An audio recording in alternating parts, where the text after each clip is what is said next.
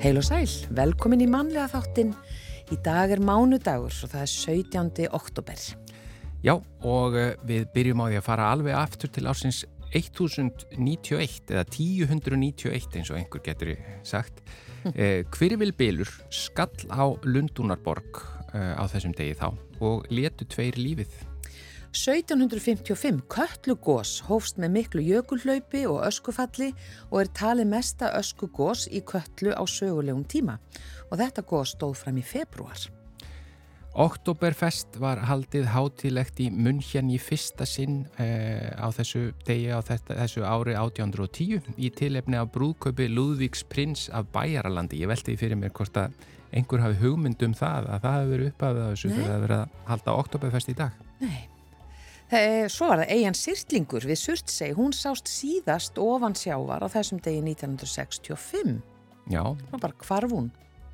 Fríðarbógin, samtök Homma og Lesbía uh, var stopnuð í Færiðum á þessum degi árið 2003. Og netfrelsi félagum frjáls samskipti á internetunni var stopnað á Íslandi á þessum degi 2004. Já, við erum í efni þáttanins í dag. Rannsóknar fyrirtæki Procent hefur kannad kulnun ólíkra hópa fyrir COVID á meðan uh, á faraldunum stóð og eftir.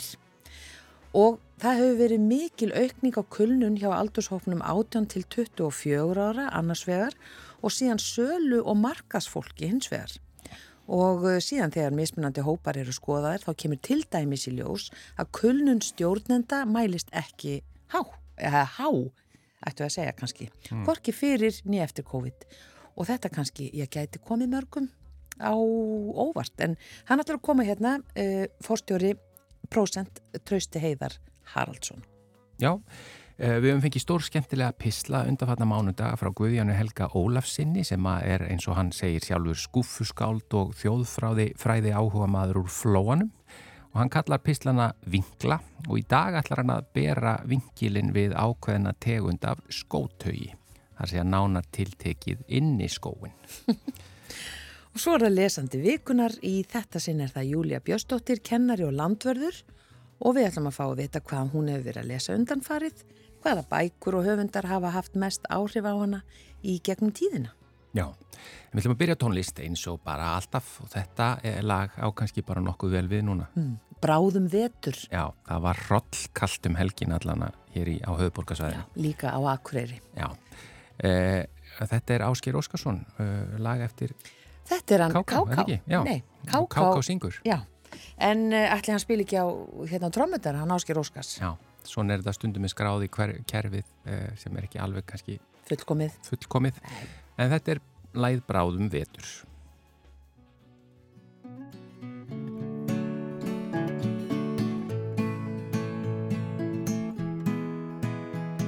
Ég hefði geta verið miklu betri en ég var Ég hefði geta verið sem ég bar En ég var líka ungur og ég vissi ekki betur Og nú er komið haust.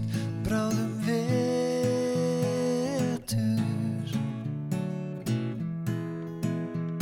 Og þegar vetur leggst á okkur og nótti veður laung Skal ég eigða fortíðinni með söng. Því það að vera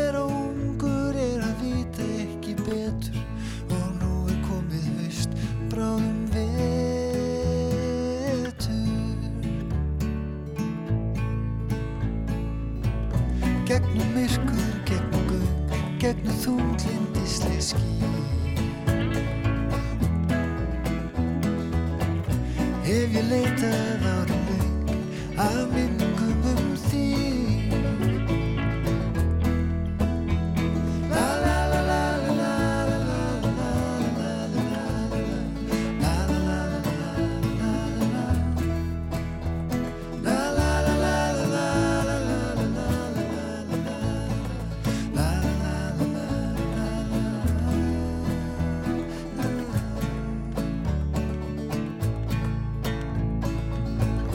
gegnum myrkur, gegnum gang gegnum þunglindisli ský Hef ég leitað ári löng af minningum um því Og þegar vetur leggst á okkur og nóttu verður löng skal ég í það fórtíðinni með söng.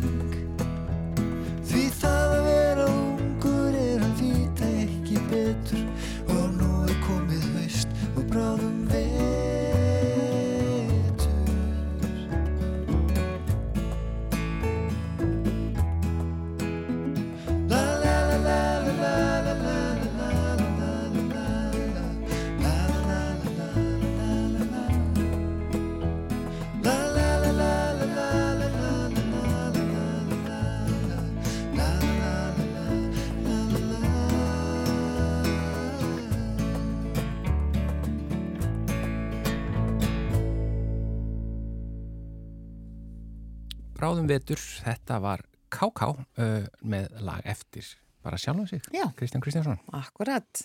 Og við vorum að segja frá þessu, eða þessari könnun sem rannsóknarfyrirtæki Prósent gerði e, á svona kulnun ólíkra hópa og það gerði þessa rannsókn fyrir COVID og síðan á meðan á faraldrinum stóð og síðan eftir COVID og uh, það sem kannski vekur aðtikli hérna, eða það er svona nokkur atriði sem vekja aðtikli, en það er mikil aukning, aukning á kulnun hjá aldurshópnum 18 til 24 ára og uh, síðan hjá sölu og markasfólki einnig.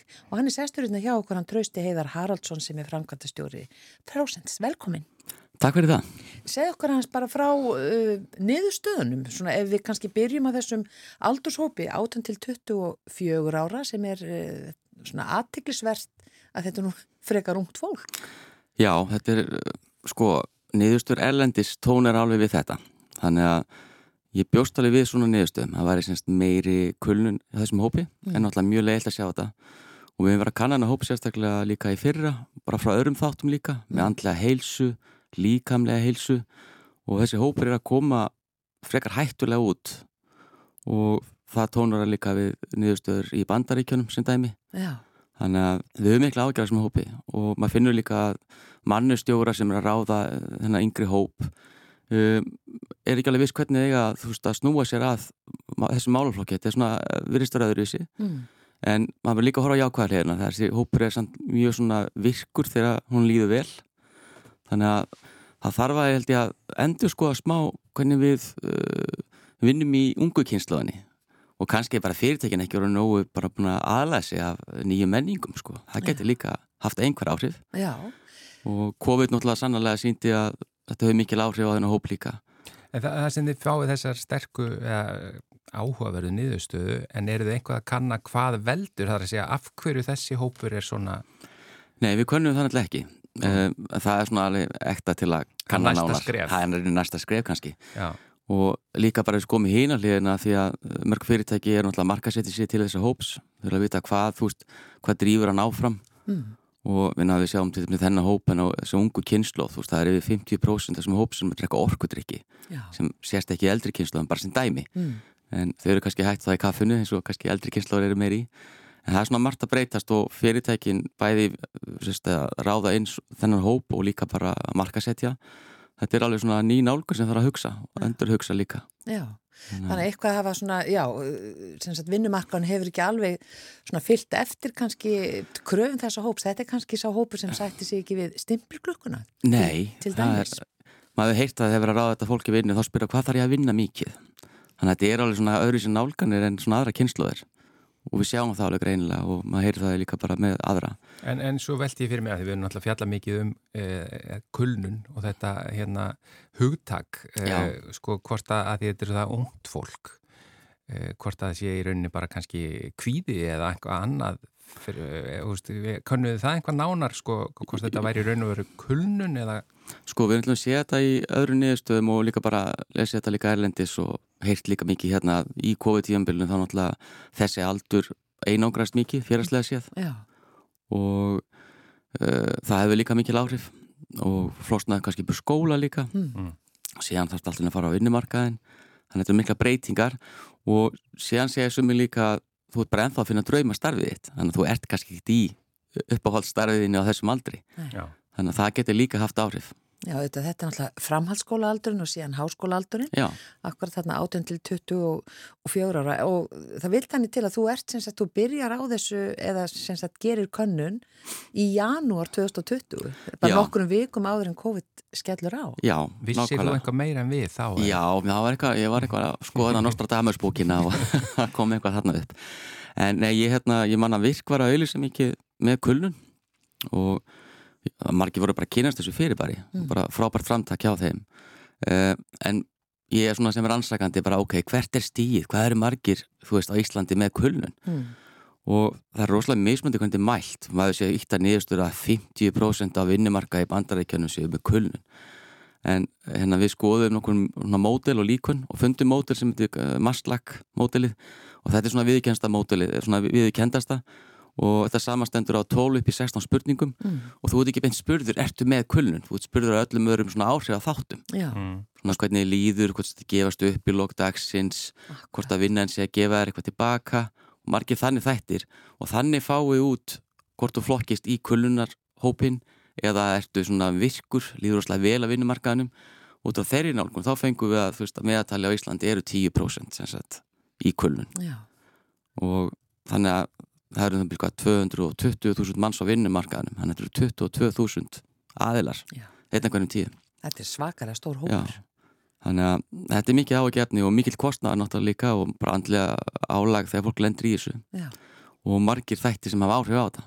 já, En svo finnst mér mjög áhugavert þetta með sölu og markaðsfólk, að það mælist svona hátt Já, uh, í, í sölu og markaðsmálum. Hefur einhverja skýring á því?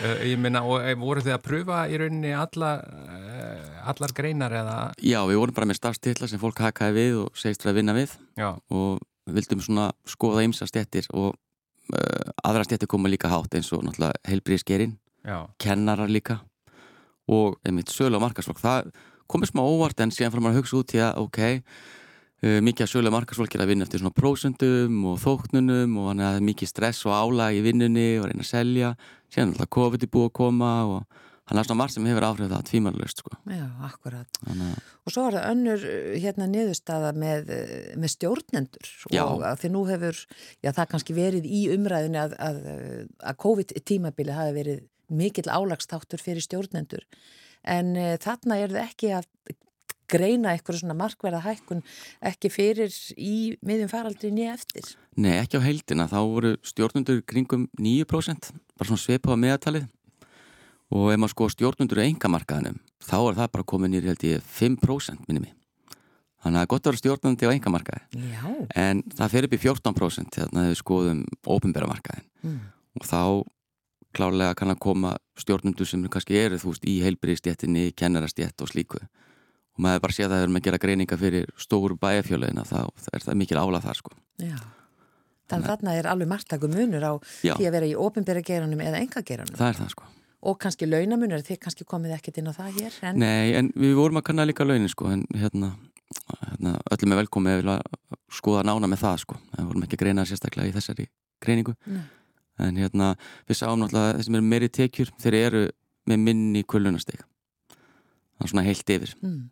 það er að tala um að meira álag, meiri vinna meiri tekjur, þetta kannski sé svona orsakavaldir á milli, en það er meira þeir sem eru með láttekjur, minna mentaðir þeir eru með hæra kulun og eftir við kannski ekki eins mikið í draumastarfinu sínu líka Akkurat. Þannig Og þau eru kannski að vinna lengur. Já, sko við lengri fengum, vinnudagar? við sáum sko þeir sem eru hlutastarfi, þeir voru svona, það var minnsta kulunastíði þar, sem eru svona 28 tíma kannski á viku. En það var ekkert svo mikill munur á þeir sem eru að vinna þess að hefbundu 30, 60, 40 tíma og 40 pluss. Það var ekki mikill munur þar á. Nei. Ég held að myndi vera mitt miklu hæra kulunastíði sem eru að vinna kannski 45, 50 tíma viku.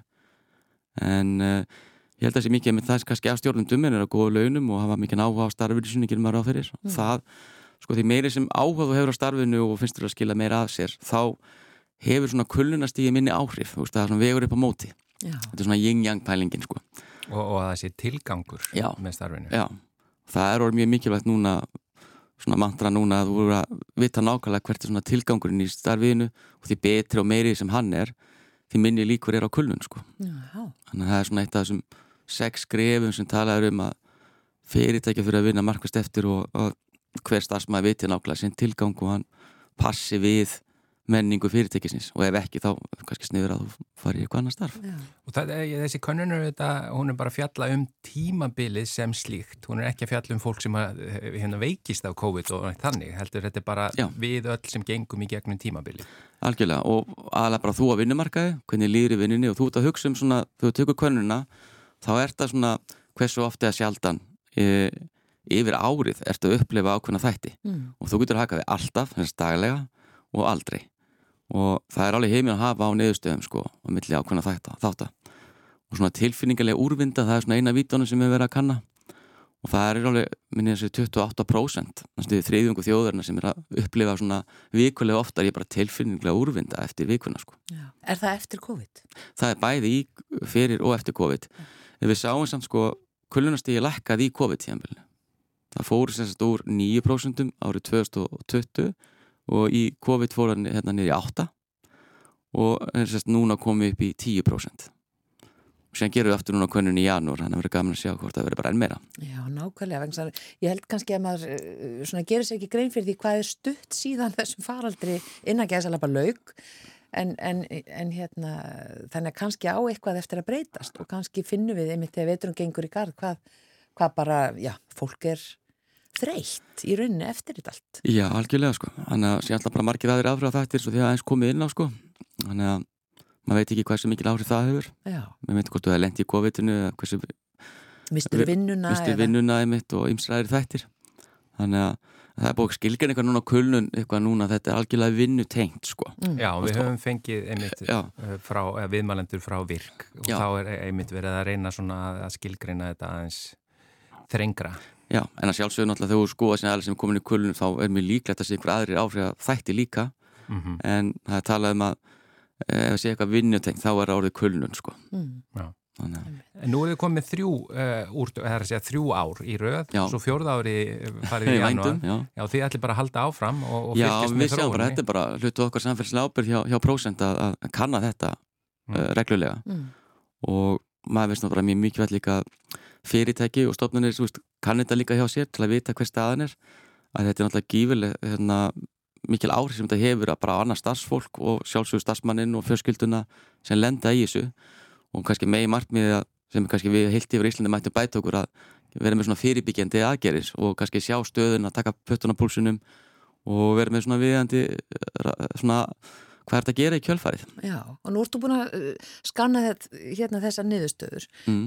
Svona hvert væri þitt ráð? Hver myndir þú mæla með, með við niðurstöðunar að fyrirtæki og stofnanir myndu svona, já, hvað við segja, gyrða sér í brók með?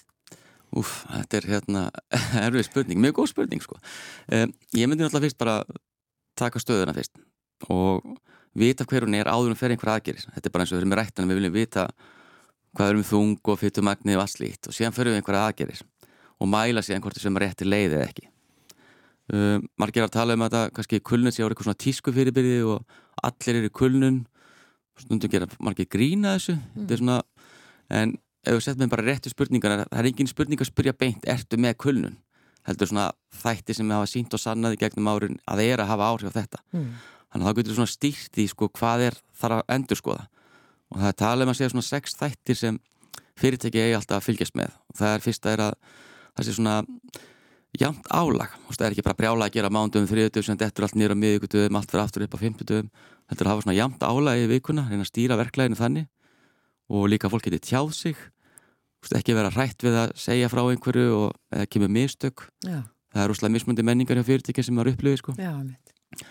og hérna og þetta sem hún fór maður sinna áðan líka það er með þessi gildi að, að hafa tilgang. hafa tilgang og fyrirtæki sem vinni hjá svona passi við þína sið fyrir skildi og slíkt Mm. sem dæmi.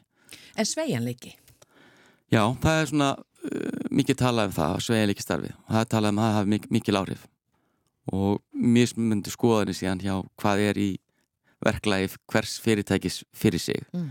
Náttúrulega sömstöð bjóðu kannski ekki upp á fjárvinu þú verður að vera á staðnum Já, en önnur sem bjóðu upp á þá klálega myndi ég mæla með því að skoða gott svona samblanda að þessu. já. Það var með það, þetta, það verður já, áhugavert að fylgjast með eh, framhaldinu. Kæra þakkir fyrir að koma hinga Trausti Heiðar Haraldsson, framkvæmtastjóri rannsóknarfyrirtækisins Prósent. Herru, bara takk hérlega fyrir að bjóða mér. Já, og, og þú ert nú fjölhæfur maður því að við ætlum að enda á því hérna að flytja lag eftir þig. Uh, sem var spila, eða sem sagt, þú varst að keppa með þetta í landslæginu. Já, og bara sama tíma þú. Já, 92. Já, það eru 30 ár síðan. Það eru 30 ár síðan, gerðið, svo er. Já, lægið þetta til bóts. Og, og þetta náði miklu vinsaldum, ég man eftir því. Já. Og þú semur það ásamt Jóni Andra Sigursin og Otti Bjarnar Þorkelsin, ekki? Passar. Já, hér kemur það. Takk hjálpa fyrir komina. Takk.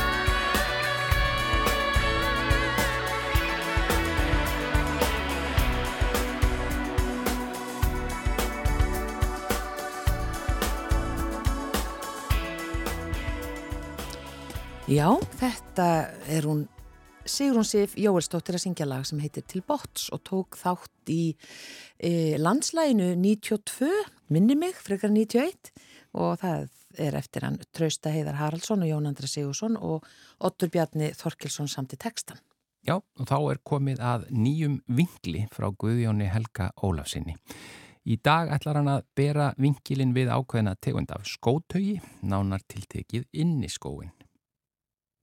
Ágættu hlustendur, ég þekki engan sem gengur um heima hjá sér í útiskóm og ég lefi mér að fullir það að á Íslandi telst slík áhættuhegðun til undantekninga. En það er ekki mjög hendugt í landi með jafn óstöðugt veðufar og, og hér ríkir. Svo óstöðugt að við Íslendingar notum gerðnan bílana okkar fyrir úlpu. Það er bara ekki nokkur leið að klæða sig eftir veðri hérna. Maður býr sig kannski að heiman fullur bjart síni í morgunstillu Mögulega er lítið svölu veðri og er til öryggis með ullarnærföld meðferðis. Líka sólgleru en það sólinn sterk og lágt á lofti á þessum tíma árs. Gott að hafa appelsínu gulan reggala meðferðis líka og lópapeisu.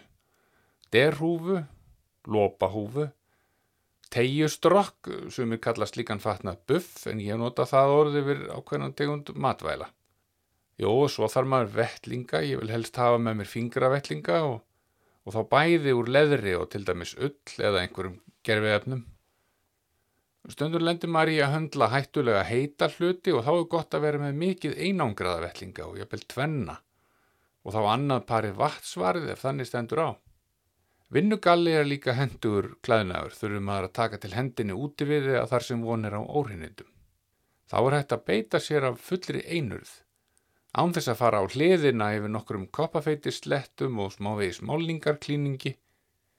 Maður fer bara úr gallanum að verki loknu og er þá tandur hreitn innanundir og getur sest upp í bílinn sinn á þess að valda varanlegum skada á innreitingunni. Steindorvinu minn kallar Nankins vinnugalla æfinlega ketildragt. Það er ágætt orð. Normenn tala jú um tjeldress og brettar um boilersuit enda hannað sem hlýðarfatnaður fyrir þá sem þurftu að móka kólum í eldtólf gufukalla við upphaf innbyltingar þegar að mannskeppnan hafi uppgötvað að hægt voru að breyta eldinum í reyfiafl. Við hefum líka orðið samfestingur yfir sama fyrirbæri.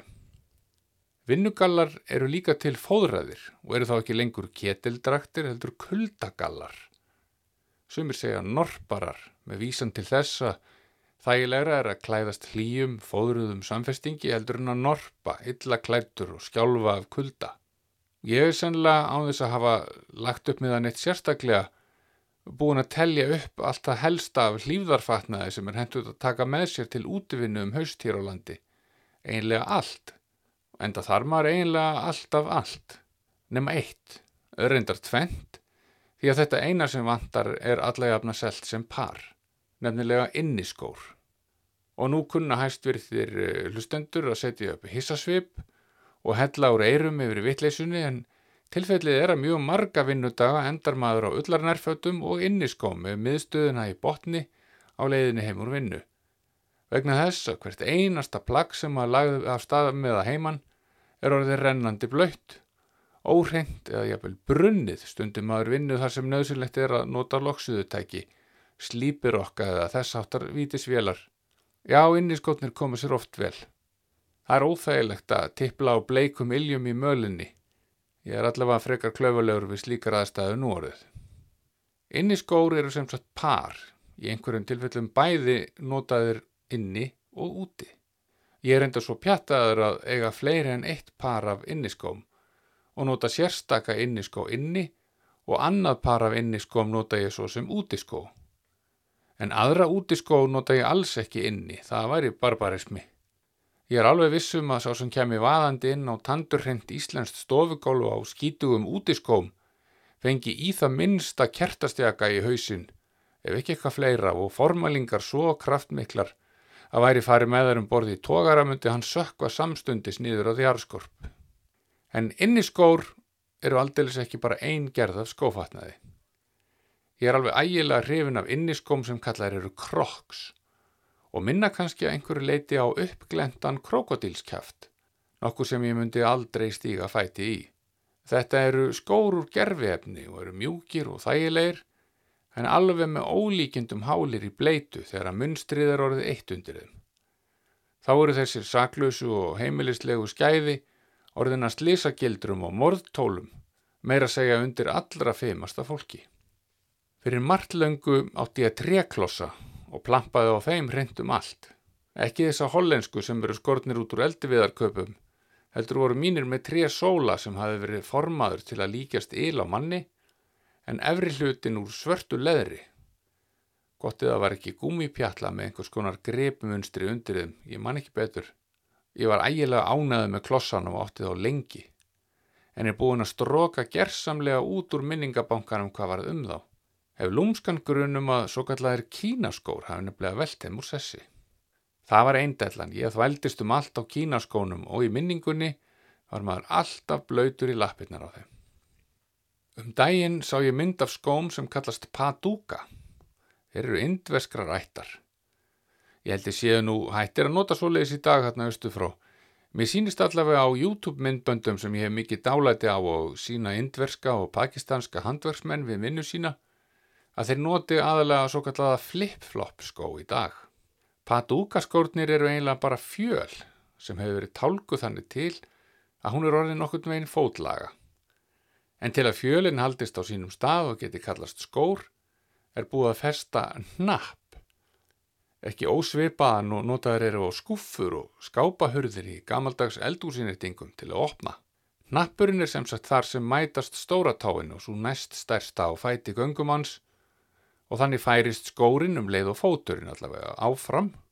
Þetta er heimlega eins einfaldur skór og mögulegt er og ætti að þólatöluvert, en hefur held ég aldrei náð almennilegri fótfestu hér á Íslandi enda timbur af skornum skamti til forna og þeir dagar sem praktist væri að notast líkan fótabúnað afar fáir. Handverksmennirnir þarna í Östurlöndum fjær eru skemmtilegir og flinkir, en hlýfðarbúnaður þeirra fengi aldrei gæðavottun hjá vinnu eftir liti ríkisins. Bæðið eru þannig skórnir sem ekki hafa stáltær hjá þeim og svo þeir eru æfinlega klættir í yfirhafnir sem eru tæpast úr efni með ljósbúavörn. Nú á öryggishjálmar sjást aldrei og öryggisgleregu sjaldan En það stoppar þá ekki í að skera heilu skipin niður í strimla með loksuðutækjum og smíða svo ótrúlegustu hluti úr efninu. Ég hef eins og handverksmennirnir austurlensku æfinlega kert mig kollóttanum, stefnur, ströma og tískusveiflur í fótabúnaði og set það skilir þið efst á listan að skotnir passi á bífurnar og séu þægilegir. Það skemmur ekki fyrir að þessi örgin líka ef um vinnuskáur að ræða. Anna fólkin ég á fleiri pör af skóm það likur fyrir. En ég er hins vegar þannig í læginu að skórnir mínir taka tölvert pláss í forstofum og hef þegið aðfinnslur vegna þess sem eru auðvitað gjörsamlega tilgangslust.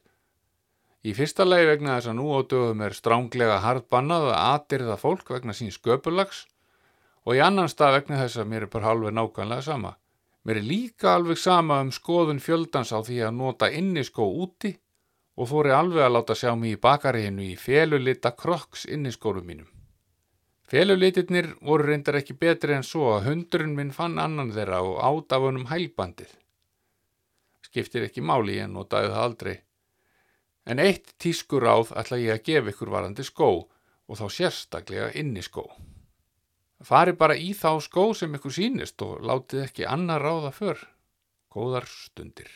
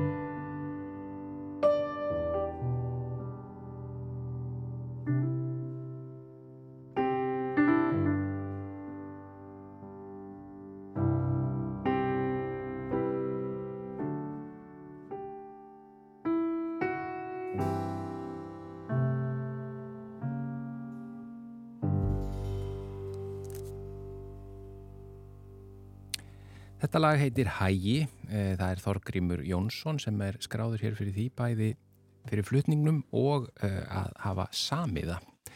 Það er komið að lesanda vikunar. Uh, hún er hinga komin Júlia Björstóttir, kennari og landvörður. Velkomin. Takk fyrir. Hva, hérna, hvar kenniru og hvað?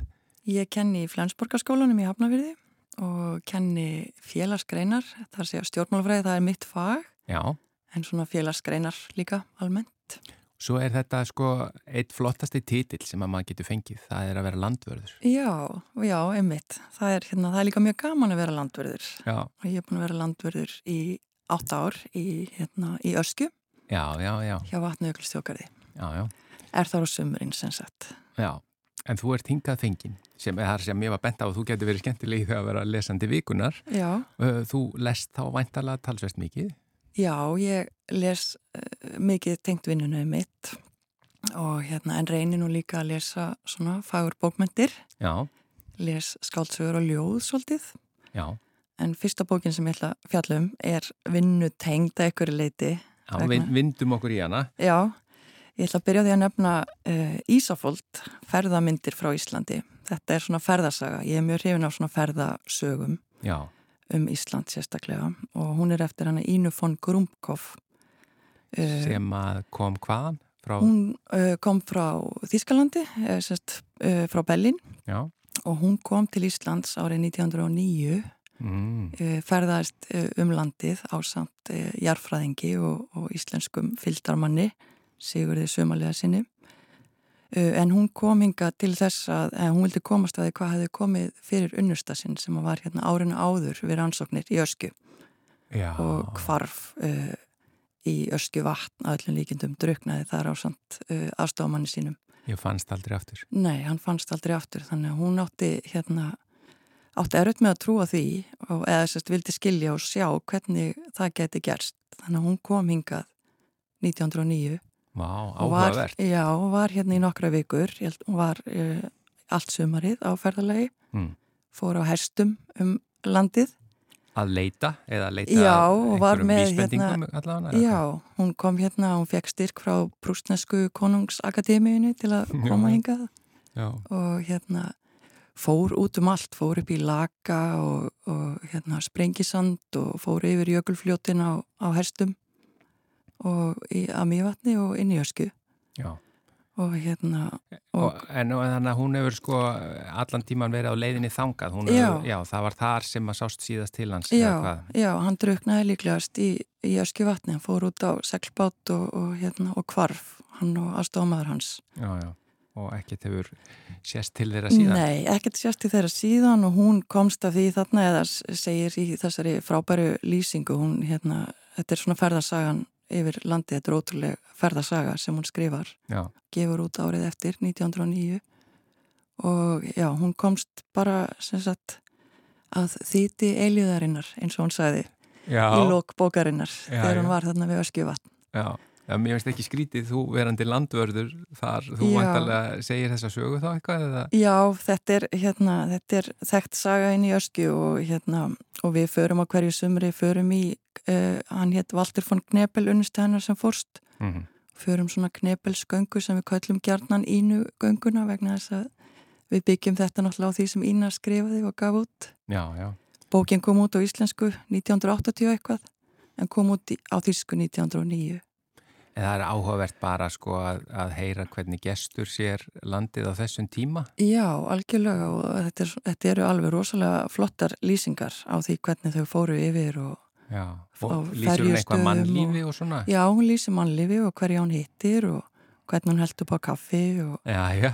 gist í tjöldum. Mjög áhægt, hún heiti sem sagt Ísafold? Já, Ísafold, ferðamyndir frá Íslandi eftir Ínu von Grumkov og hún er aðgengilega á netinu líka á þýsku sem sagt. Það er hægt að finna hana á þýsku. Já, í, bara í fullir lengt. Já. já, og þar eru myndirnar eftir hana Ínu Ína var listmálari og hún málaði á leiðinni, já. tók mikið að myndum líka, þannig að í þeirri útgafi eru allar myndirnar líka. Áhugavert, næsta bók. Já, og hún tengist reynda líka hérna ösku vegna þess að samstagskona mín það er hún Linda sem býr á Svalbardha og Já. hún benti mér á bóki í sumar sem ég las í, í sumar og haust. Býtu, býtu, stoppum aðeins hérna. Samstafskona þín sem býr á Svalbardha? Já, samstafskona mín í Öskju, hún er semst í Öskju á sumurinn, býr á Svalbard á veturna, Já, en er að, á suðuskautinu líka á veturna, er að vinna þar á rannsóknarskipi. spennandi. Já, Já, það er ekkit sérstaklega margi sem búa þar. nei, nei, nei, ekki, nei, um mitt. Já, það er Og svo er hún frá, er hún frá hérna Svalbards Eyri. Já, já, já. Þannig að þetta er svolítið skemmtileg tilviljun að hún skulle hafa enda á Svalbarda. Já, já, En hún sagði mér einmitt að hérna, lesa þessa bók uh, sem heitir A Woman in the Polar Night uh, eftir Kristjane Ritter. já, Hún sagði að hún væri svona ína Svalbarda já, og það er bók sem kom út 1938 uh, og hún segir frá, þetta er svona endurminningarsaga, segir frá ári sem hún bjó á Svalbarda, þessi Kristjane Ritter. já, já.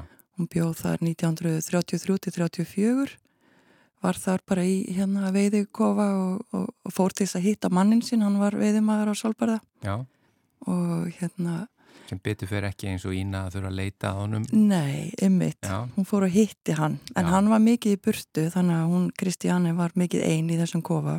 Má, og hún lýsir þessu svona hvernig hún svona þarf að veiða sér til matar og fer á kafisnjó og myrkrinu og þegar sólinn sest og kemur ekki aftur fyrir einhver, eftir einhverja næstu í 200 daga, já, ég meina það er dimmt, 54 dimmt hér yfir vetratíman en það er talsveit meira, þetta er norðar. Já, um mitt og hún, þetta er svona dagbókarskrif hjá henni og svona flott hvernig hún skrifar þetta og verður svona þetta er svona hugleðingar um bara náttúruna og hvernig hún svona verður hluti af, af náttúrunni einhvern veginn. Já, og þessi bók, hún er mitt hérna, fór á eitthvað lista bara um daginn á Guardian. Guardian byrti lista yfir svona nature uh, eða náttúru minningabækur. Og, og þar eh, fór þessi bók eftir lista, var nummer 1 segð mér aftur nafnið á henni. A Woman in the Polar Night Eine Frau er lebt uh, die Polarnacht heitur hún á þýsku, Já, kom já, á þýsku. Hún var frá Östuríki þessi Kristjani Ritter. Er, er þú þýsku mælandi? Já, reyndar, ég, ég allavega get lesið þýsku, ég bjó í Þýskalandum tíma og hann er hérna já, ég get lesið lesið þýskuna, en Já. hérna hún hefur komið út á mörgum tungumálum en því miður ekki á íslensku. Þannig, að, og þetta er meðsölubók, hún er alltaf hérna, alltaf til.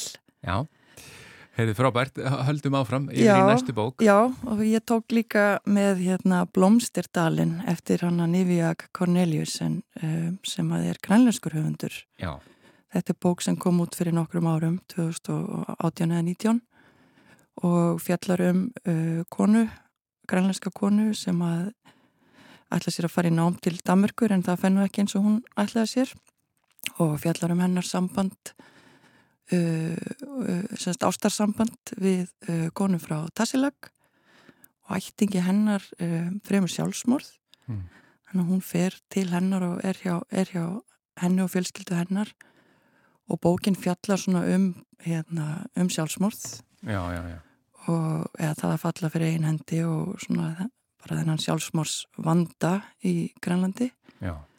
og Blómstirdalin, þetta er vísun í kirkjugarð í Tassilag já, já. sem er svona hérna hann er fullur af plastblómum í þremur litum og kallaða Blómstirdalin eða Blómadalurinn af hverju er svona mikið af plastblóm? Já, er það út af kirkjugarnum bara? Já, þetta er bara ekkur hefða að leggja blóm Já, það er kannski erfitt í grænlenskum kirkjugarði að setja blóm. uh, Já, lifandi blóm. Lifandi blóm. Já, einmitt. Já. En hún gerir þetta, hún er við að Cornelius, þetta er önnur skáltsagan hennar uh, hérna, þetta er skáldsaga. þetta er skáltsaga, já. Já, Og já. hérna, hún gerir þetta rosalega vel, fer vel með efnið og það er mikill kraftur í henni, stílinn er mjög svona kraftmikill og henni liggur mikið á hjarta en hún fer alveg svakalega vel með þetta. já. Það, ég, það, er, það er þema sem ég er búin að finna hérna allan í festu, þessum fyrstu þremu bókum. Það eru konur á norrlægum slóðum. Já, já, ummitt, ætli það ekki. svalbarið Grænland og, og svo askja. Já, ummitt, Já, já. já heyrðu, allt í lagi, yfir í næstu, hvað ertu með meira? Já, svo tók ég eina með sem ég var bara að lesa í síðustu viku Já. eh, og ég las hana nú bara út af eh, Nobels tilnefningunni, Já, Eh, útnefningunni. útnefningunni, já. Já, Hún Anni Ernau, með Ernaugs, ég, ég les nú ekki frönsku og já, ég þór ekki að leiðra þetta í Nei. neinu þarna. Já, já, já, er nóg eða eitthvað slúðis. Ernau, akkurat, já. og hérna las hérna staðurinn, eina bókin eftir hana sem hefur komið út á íslensku í þýðingu Rutar Ingolstóttur og Já. hérna fannst hún bara alveg alveg frábært, ég hafi nú aldrei heyrt um þennan höfund áður. Já. að hérna En var, varstu segir búin að lesa hana eða last hana eftir að hún ég fékk las hana eftir að hún fekk tilnefninguna Já. þannig að ég las hana bara í síðustu viku.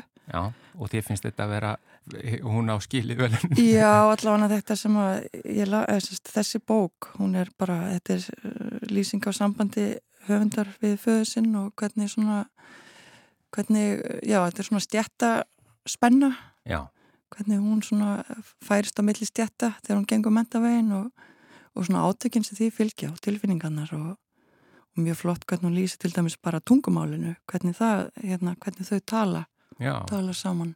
Já, já, já. Þetta er- Erst að meina uh, tungumáli og milli stjætta Já, já, já.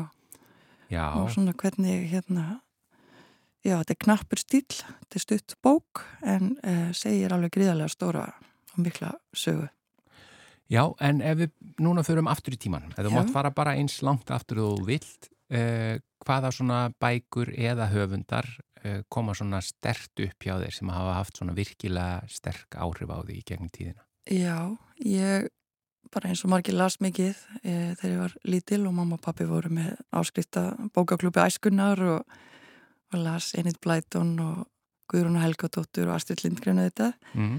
En svo er ég svona sterka minningu frá unglingsárunum þegar ég las Sölku Völku Já, já, og hérna tengdi náttúrulega mjög mikið við hana.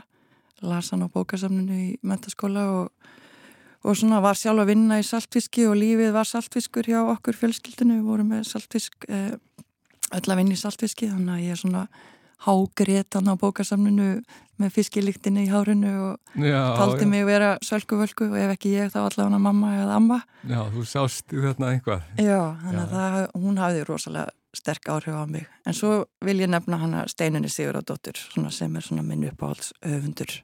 Já, Og ég tók hérna með ljóðabók eftir hana, Dimmumót, sem kom út fyrir nokkrum árum. Já. Og hún er svona óður til Vatnajökuls já, já, uh, sem að hérna blæðir út svona af hérna vegna hamfara línunar á mannaveldum. já, Þannig að þetta er hérna rosalega flott uh, ljóðabók, dimmumót uh, eftir steinunni. En ég hef lesið, held ég bara allt sem að steinunni hefur skrifað og Ma manstu hvenar, eh, hvað var skömmul þegar þú kynist vist bókum eftir hana? já, ég byrjaði nefnilega frekar sent að lesa uh, steinunni Mm. og hérna fyrsta bókin sem ég las eftir hana var uh, Tímaþjófurinn. Já, Þetta, hún er hérna bók, klassík. já. Já. Uh, svo las ég skáldsögurnar og svo byrjaði ég ekki að lesa ljóðin eftir hana fyrir bara fyrir svona fjórum-fimm árum.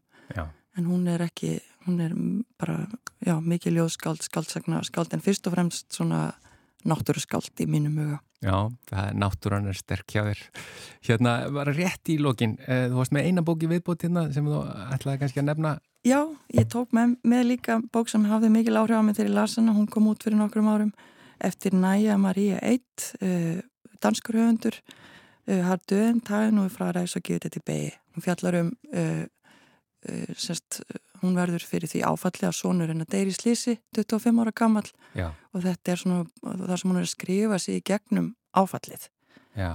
Og hérna rosalega sterk bók. Þú saðir þetta svo vel á dönsku og svo hratt að þú þarft eiginlega að segja þetta aðeins hægar því að ég, hérna, þetta var svo, þú ert greinilega reybrönd í dönsku líka, sko. Já, ég hérna, einmitt, ég, ég, hún hefur nefnilega ekki komið út á íslensku þessi bók þó að næja hafi verið gefin út á íslensku einhverjar sögur eftir hana. Já, En, En- ég skal segja, segja þetta með íslenskun reym.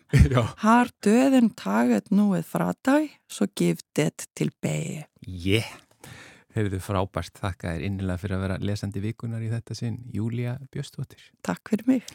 Þá er bara þættinum lokið í dag. Við verum hér auðvita á sama tíma á morgun, þannig að þanga til þökkum við innilega fyrir samfélgina og verið sæl.